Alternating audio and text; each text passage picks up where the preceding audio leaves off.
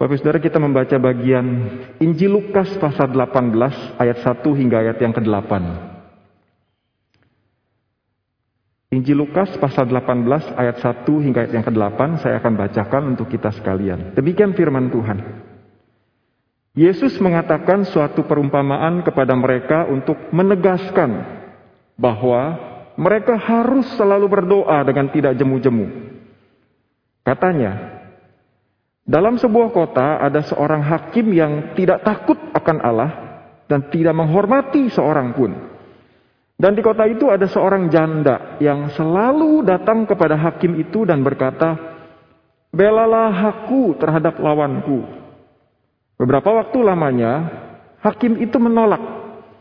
Tetapi kemudian ia berkata dalam hatinya, "Walaupun aku tidak takut akan Allah dan tidak menghormati seorang pun, namun karena janda ini menyusahkan aku, baiklah aku membenarkan dia, supaya jangan terus saja ia datang dan akhirnya menyerang aku."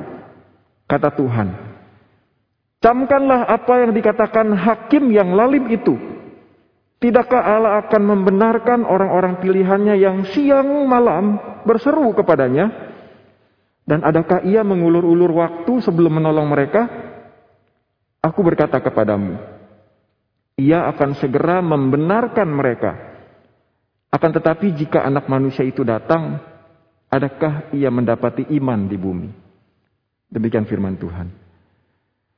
Saudara pernahkah dicuekin sama orang lain? Pasti gak enak rasanya ya kalau dicuekin ya. Kalau kita orang yang lebih tua usianya atau kita orang yang mungkin Tuhan percayakan posisi dan juga kuasa. Saudara, mungkin sekali kita bisa tersinggung waktu kita dicuekin. Tapi kalau kita merasa, ya saya mah bukan siapa-siapalah. Wajar aja dicuekin. Paling kita sekedar kesel ya. Kesel, sebel, tapi gak bisa ngapa-ngapain juga. Tapi sebaliknya, saudara, pernahkah saudara cuekin orang lain? Saudara yang cuekin orang lain.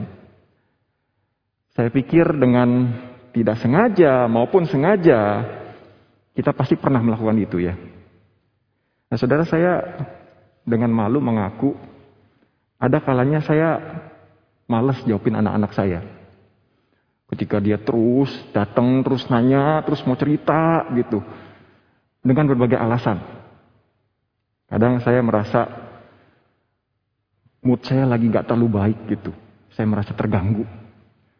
Tapi ada kalanya juga karena saya tipenya judging, tipe orang yang suka bukan menghakimi sih, tetapi menilai gitu. Ini saya pikir, aduh, pertanyaannya gak penting.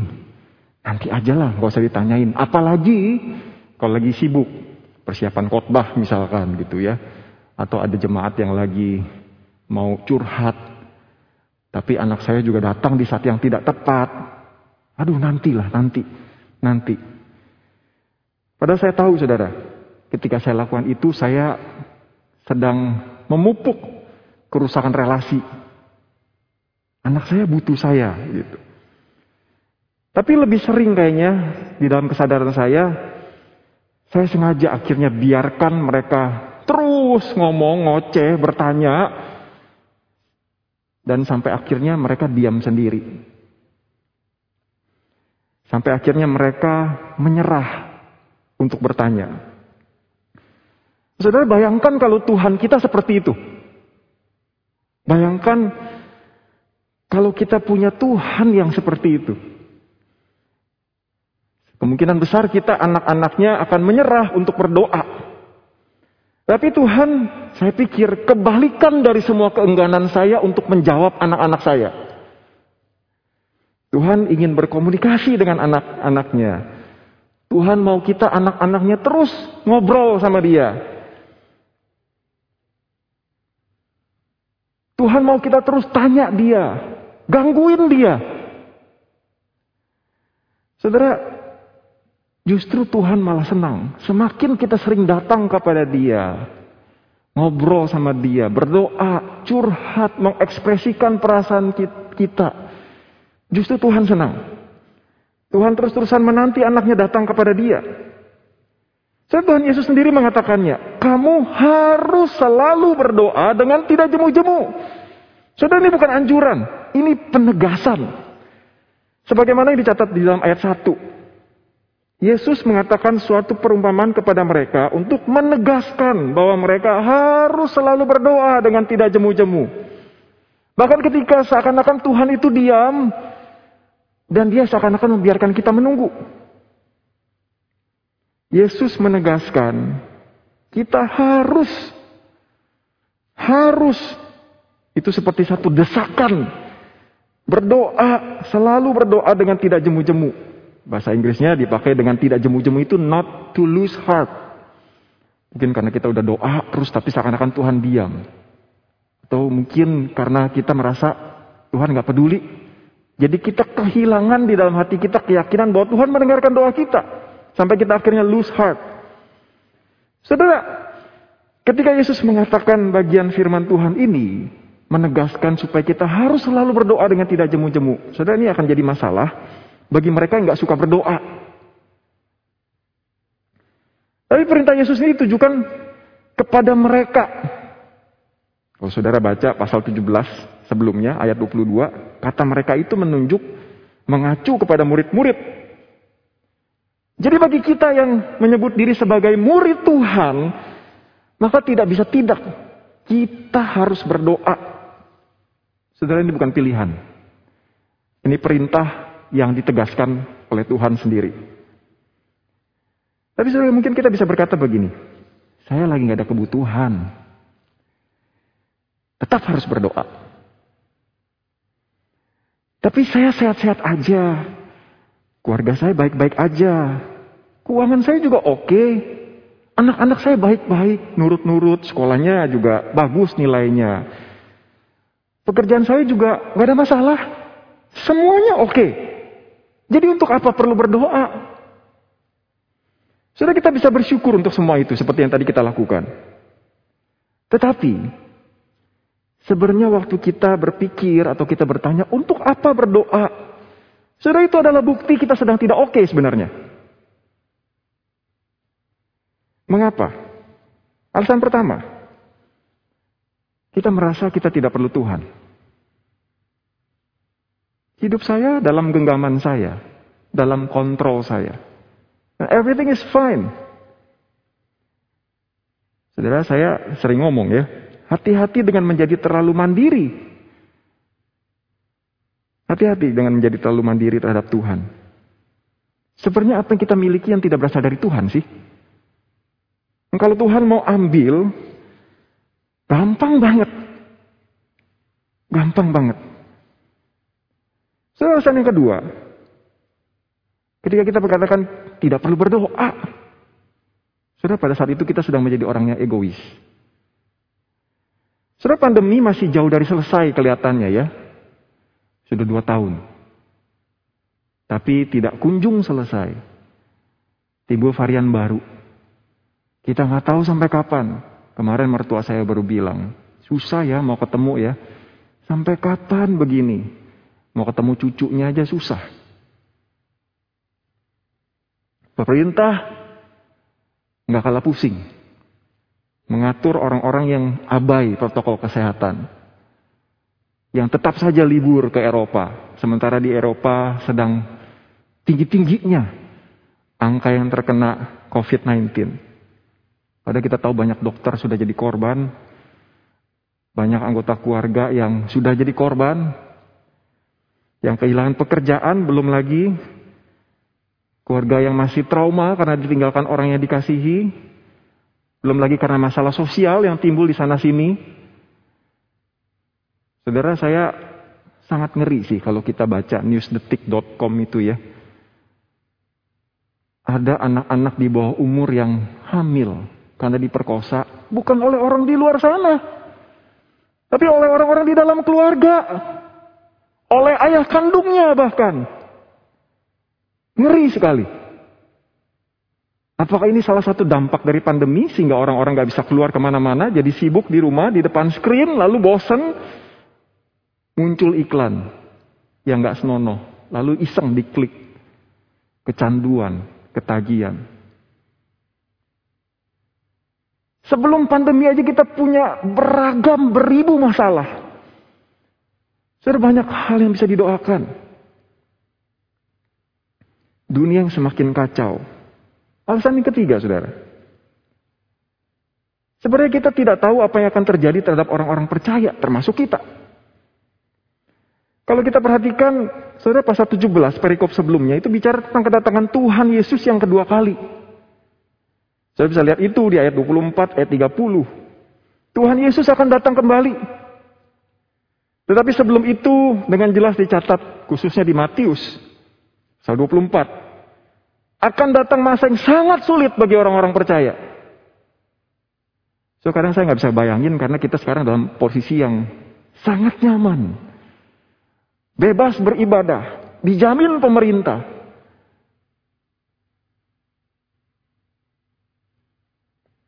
Saya jadi nggak bisa ngebayangin betapa akan sangat sulitnya nanti bagi orang-orang percaya. Belum lagi di masa already but not yet ini.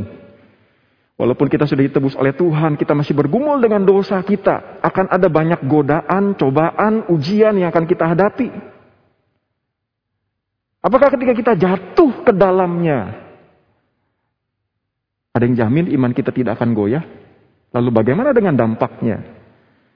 Saudara dalam firman Tuhan, kehidupan Daud menjadi contoh yang nyata bagi hidup kita ketika dia jatuh berzina dengan Betsheba. Itu mirip-mirip dengan kondisi pandemi, tanda kutip ya. Di saat di mana dia harusnya maju berperang, tapi dia memilih diam di rumah. Lalu dia melihat perempuan telanjang yang namanya Bathsheba jatuh dalam dosa. Bertobat, iya dia bertobat memang. Tapi kita tahu cerita selanjutnya bagaimana di dalam keluarganya anak yang satu membunuh anak yang lain. Pembunuhan demi pembunuhan terjadi, pengkhianatan terjadi. Bagaimana anaknya meniduri istri-istrinya. Mengerikan sekali. Saudara, seandainya kita yang jatuh, saya yang jatuh. Kita sudah pernah punya pengalaman hamba-hamba Tuhan yang jatuh. Yang kemudian pindah agama. Bukankah itu menjadi guncangan tersendiri bagi kita orang-orang percaya?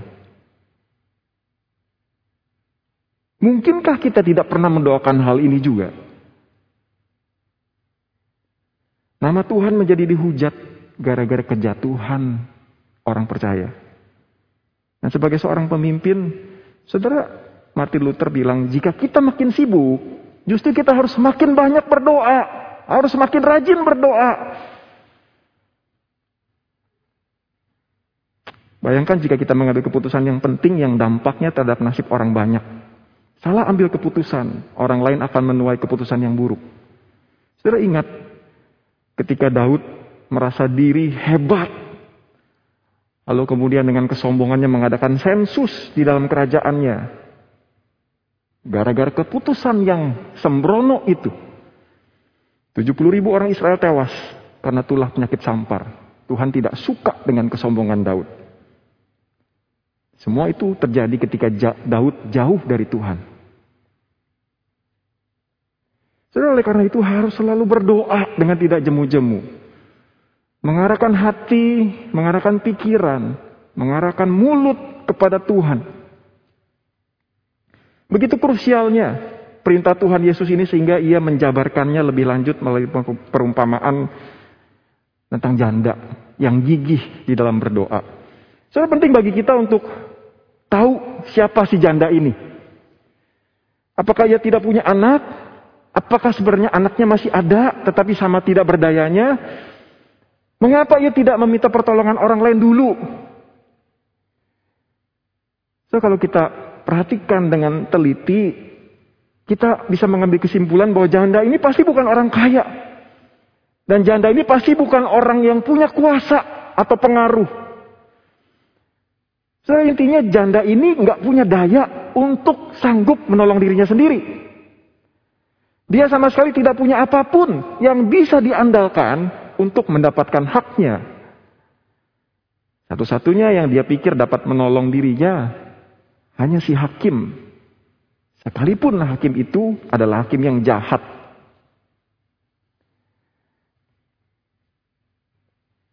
Nggak ada yang lain soalnya. Nggak ada yang lain. Saudara kalau saya jadi mikir begini ya. Waktu siapin bagian ini, baca bagian ini, merenungkan. Seberapa mendesaknya sih? Seberapa tidak punya duitnya sampai si janda ini nggak bisa kasih uang lah. Please tolong, tolong bela hak saya. Saya kebayang kalau anak saya itu sakit parah. Udah ke sana kemari, udah habiskan duit banyak. Cari dokter nggak ada ketemu. Di Amerika sekalipun, eh tiba-tiba search di Google atau di yahoo.com gitu ya. Terus ketemu ada satu dokter yang bisa sembuhkan. Tapi jauh di sana di Nepal. Di mana itu Nepal? Negara yang asing. Tapi di situ ada dokter itu.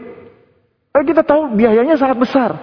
Cuma karena kita tahu satu-satunya harapan itu cuma ya dokter di Nepal itu. Saya kira kita keluarga orang tua pasti akan mati-matian hutang, pinjam duit, nggak tahu nanti gimana bayarnya. Tapi demi kesembuhan anak saya, saya pikir hati yang seperti itu yang dimiliki oleh si janda sampai di akhirnya, ya udahlah. Walaupun kelihatannya kecil harapannya, tapi saya coba. Saya akan coba. Saudara, janda ini datang dengan kesadaran penuh bahwa nasibnya bergantung penuh pada kemurahan sang hakim. Satu-satunya harapan hanya tinggal si hakim yang lalim ini. Tidak ada orang lain yang sanggup menolongnya. Dan tidak ada hal lain yang dapat dia pakai untuk menolong dirinya sendiri. Saya firman Tuhan mau ngomong apa sih? Saya bagaimana dengan sikap kita ketika kita datang kepada Tuhan dan berdoa? Mungkinkah kita datang kepada Tuhan sekedar basa-basi? Pada hari Kebaktian doa. Waktunya kita berdoa bersama-sama. Beda sekali dengan sikap si janda dalam perumpamaan ini. Mungkinkah kita sering kali datang kepada Tuhan hanya sebagai satu kewajiban? Atau mungkin karena berasa, aduh hari ini belum doa, gak enak, kayaknya ada yang kurang ya. Orang Kristen gitu loh. Harus berdoa. Satu sisi saya mengagumi Saudara kita, teman-teman muslim yang sehari lima kali berdoa. Kita nggak sesering mereka mungkin. Saudara, atau sebenarnya kita sudah punya rencana. Kita memikirkan cara-cara untuk mendapatkan apa yang kita mau dengan mengandalkan segala sumber daya yang kita punya. Memang saya pikir semua itu patut dipikirkan, tetapi ada yang salah. Saudara pada saat kita datang kepada Tuhan dengan sikap hati yang seperti itu, bukankah sebenarnya kita cuma minta cap legalisir supaya Tuhan kabulkan, Tuhan setujui. Nah jika Tuhan gak setuju, saya akan tetap jalankan rencana saya. Toh saya juga nggak ngeliat jawaban Tuhan apa, iya atau enggak. Karena mungkin kita keburu-buru. Karena mungkin kita datang kepada Tuhan berdoa karena memang udah deket, kita udah tahu. Udah tinggal waktunya, tinggal satu minggu misalkan.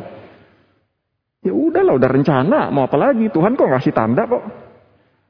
Tuhan gak bilang enggak kok, jalanin aja. Dari awal kita nggak pernah datang dan bertanya kepada Tuhan. Dan selama prosesnya, kita mau mengandalkan Tuhan. Kita lebih percaya kepada diri sendiri, kepada modal kita, kepada orang lain yang dapat kita andalkan daripada kepada Tuhan. Saudara sangat jauh berbeda dengan sikap hati si janda dalam perumpamaan Tuhan Yesus. Tuhan Yesus mau murid-muridnya memiliki sikap hati seperti si janda ini. Perhatikan pula bagaimana si janda ini dicatat selalu datang kepada hakim yang lalim. Ayat 4 mencatat reaksi si hakim. Beberapa waktu lamanya Hakim itu menolak. Tetapi si janda terus saja datang. Lihat yang kelima. Saya bayangkan berapa banyak penolakan yang janda ini telah alami. Mungkin pertama kali datang ketemu dengan para penjaga. Mau apa ibu? Pergi. Pak Hakim sedang sibuk. Seminggu, dua minggu, setiap hari dia datang. Sampai akhirnya pas hakim itu lagi keluar. Ditubruk di sana. Pak Hakim sambil memelas berlutut. Tolong saya Pak Hakim. Dengan ujung matanya hanya melihat dia tinggal jalan. Saudara bayangkan perasaan direndahkan si janda ini. Tapi perasaan tertolaknya, perasaan malunya tidak membuatnya berhenti mendatangi si hakim yang lalim ini. Saudara pesannya jelas dari firman Tuhan ini. Contohlah kegigihan si janda. Bandingkan dengan teguran halus yang Tuhan Yesus sampaikan di dalam ayat yang ketujuh. Tidakkah Allah akan membenarkan orang-orang pilihannya yang siang malam berseru kepadanya? Jadi jangan mudah berkecil hati. Jangan gampang putus asa. Buanglah jauh-jauh perasaan frustrasi. Selama daya masih ada. Dengan lutut, dengan nafas yang masih ada. Tetaplah datangi Tuhan. Berdoalah kepada dia.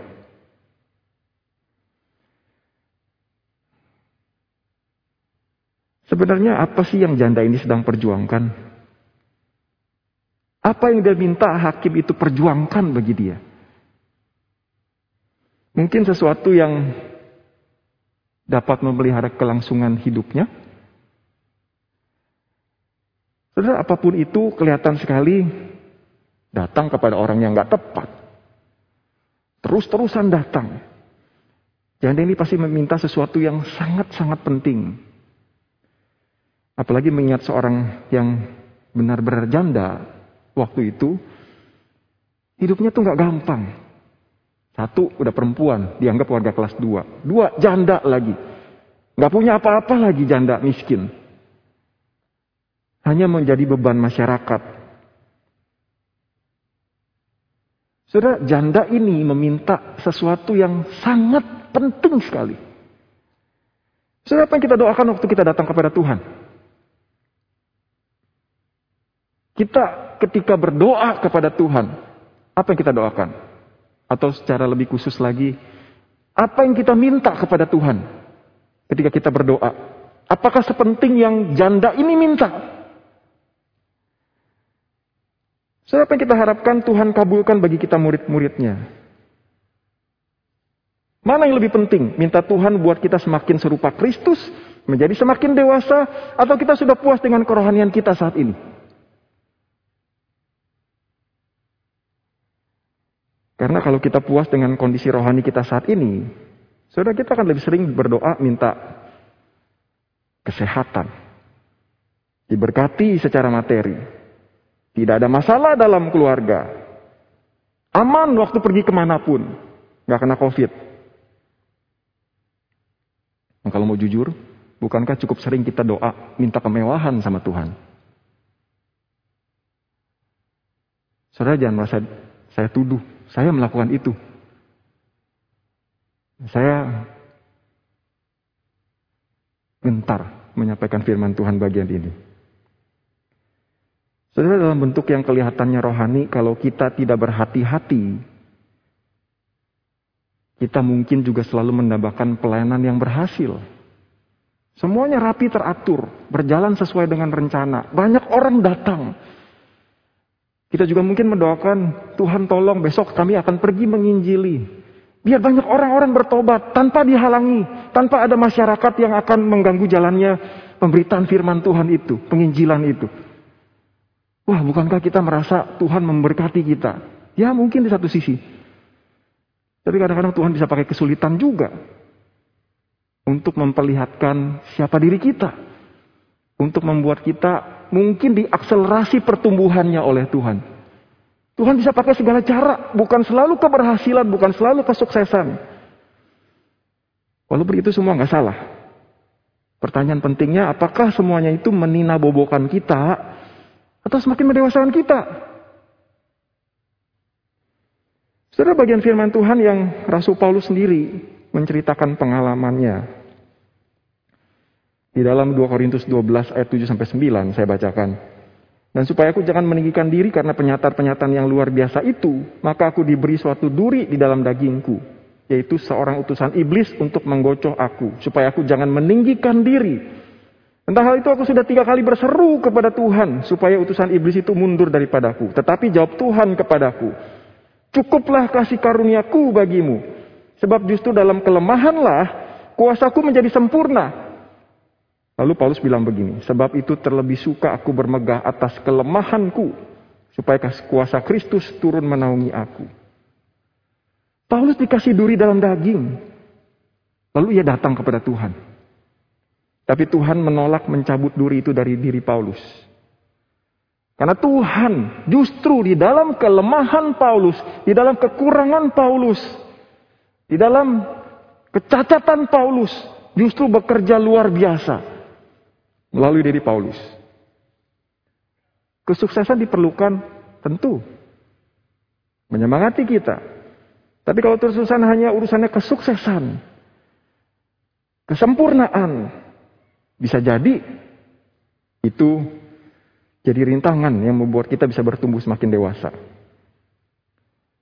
Saudara di dalam segala lembah kelam, seperti yang Daud masmurkan di dalam Mazmur 23, penyertaan Tuhan itu jauh lebih penting di dalam berbagai masalah yang kemungkinan besar Tuhan pakai untuk mengokohkan kedewasaan rohani kita. Iman yang teguh, merasakan kehadiran dan penyertaan Tuhan. Kekuatan untuk bangkit kembali ketika kita jatuh dan terus berharap agar diri kita siap menyambut kedatangan Kristus kedua kali. Saudara itu saya rasa yang kita perlu doakan. Di samping hal-hal lain. Itu yang lebih utama kita doakan. Sudah terakhir, kalau kita melihat karakter hakim ini, hakim yang lalim ini, dikatakan di dalam ayat 2 dan ayat 4, ia adalah seorang yang tidak takut akan Allah. Tidak peduli. Mungkin dia mengakui ada Allah, tapi dia nggak peduli. Siapa Allah? Petantang petenteng, mungkin sambil melipat tangan. Siapa Allah? Aku nggak peduli sama Allah. Dan kemudian dikatakan tidak menghormati siapa pun, tidak menghormati siapa pun. Orang yang lebih hebat, lebih berkuasa dari dia aja mungkin dia nggak hormati, apalagi si janda itu. Dia nggak peduli. Ya dia pikirkan hanya bagaimana dirinya mendapatkan keuntungan. Bagaimana saya tetap bisa menikmati posisi saya ini. Itu doang yang dia peduli. Dan bagi hakim ini, janda ini sangat annoying. Bahasa Inggris tuh pakai kata the widow bothers him, annoyed him. Sangat mengganggu sekali. Sampai sampai bahasa Indonesia Alkitab menggunakan kata menyusahkan. Kalau bahasa Inggris melelahkan dia. Gila ini orang ya, bener-bener ya. Udah ditolak, masih aja terus datang gitu. Annoying banget. Menyusahkan sekali. Saudara, hakim ini sampai pada akhirnya berkesimpulan, satu hari jangan-jangan janda ini akan menyerang dia. Udah nekat deh ya. Satu-satunya harapan dimintai tolong gak bisa. Udah deh dihajar aja sama jandanya. Udah nating tulus. Saudara perhatikan kontras yang ingin ditampilkan oleh Tuhan di dalam ayat 6 sampai 8. Saudara hakim yang lalim ini akhirnya karena tidak mau disusahkan membenarkan janda itu, tetapi dengan terpaksa. Daripada dia dibuat susah. Tapi hakim yang adil, dia membenarkan orang-orang pilihannya dengan sukacita, dengan rela hati.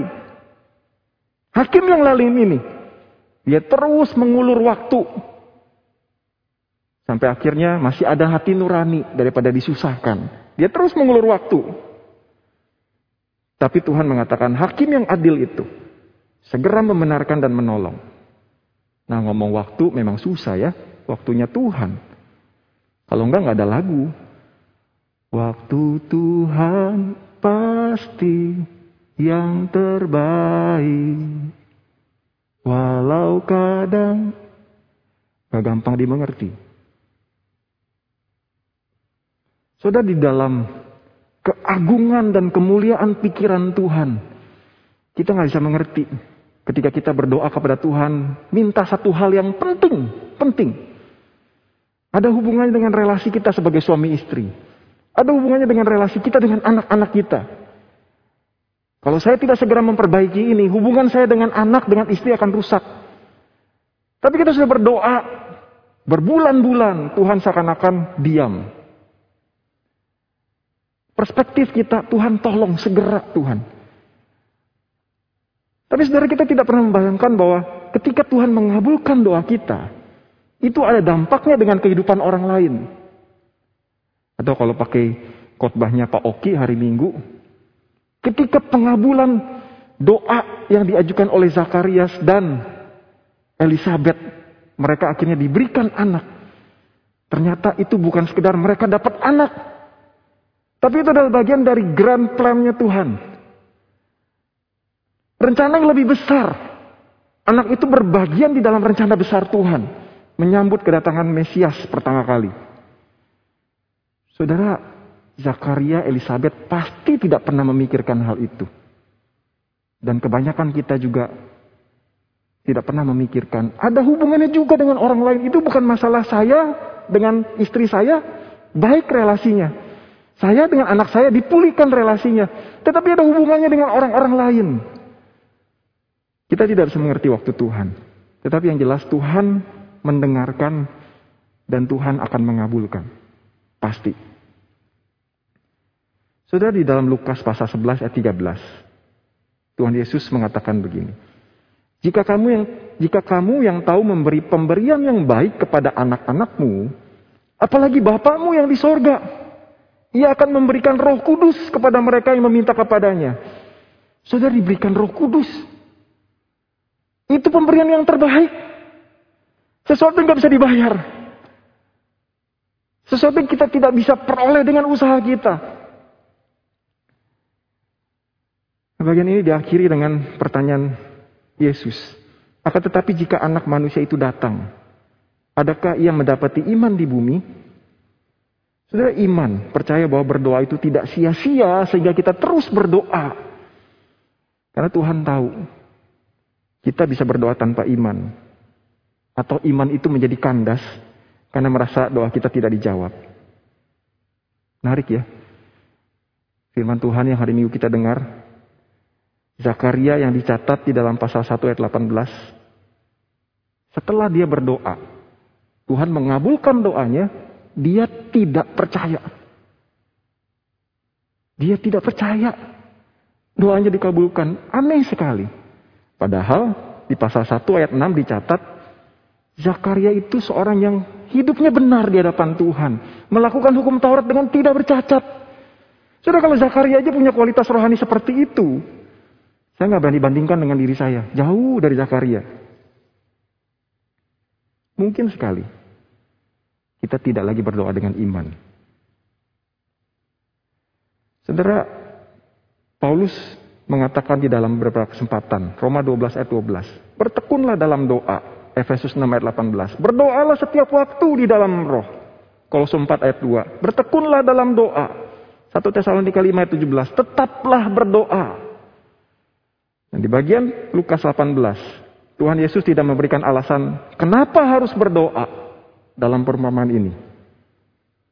Itu berarti berdoa itu nggak tergantung mood, nggak tergantung situasi kondisi. Jika tidak ada alasan untuk berdoa, tetaplah berdoa. Dan jika merasa Tuhan belum menjawab, tetaplah berdoa. Saudara Tuhan tidak seperti saya yang merasa terganggu, merasa sibuk, merasa berpikir, sudah tahu apa yang akan kita minta kepada dia. Tapi dia dengan senang mendengarkan kita.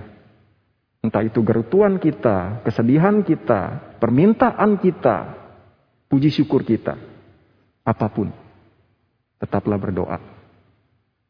Mari kita berdoa.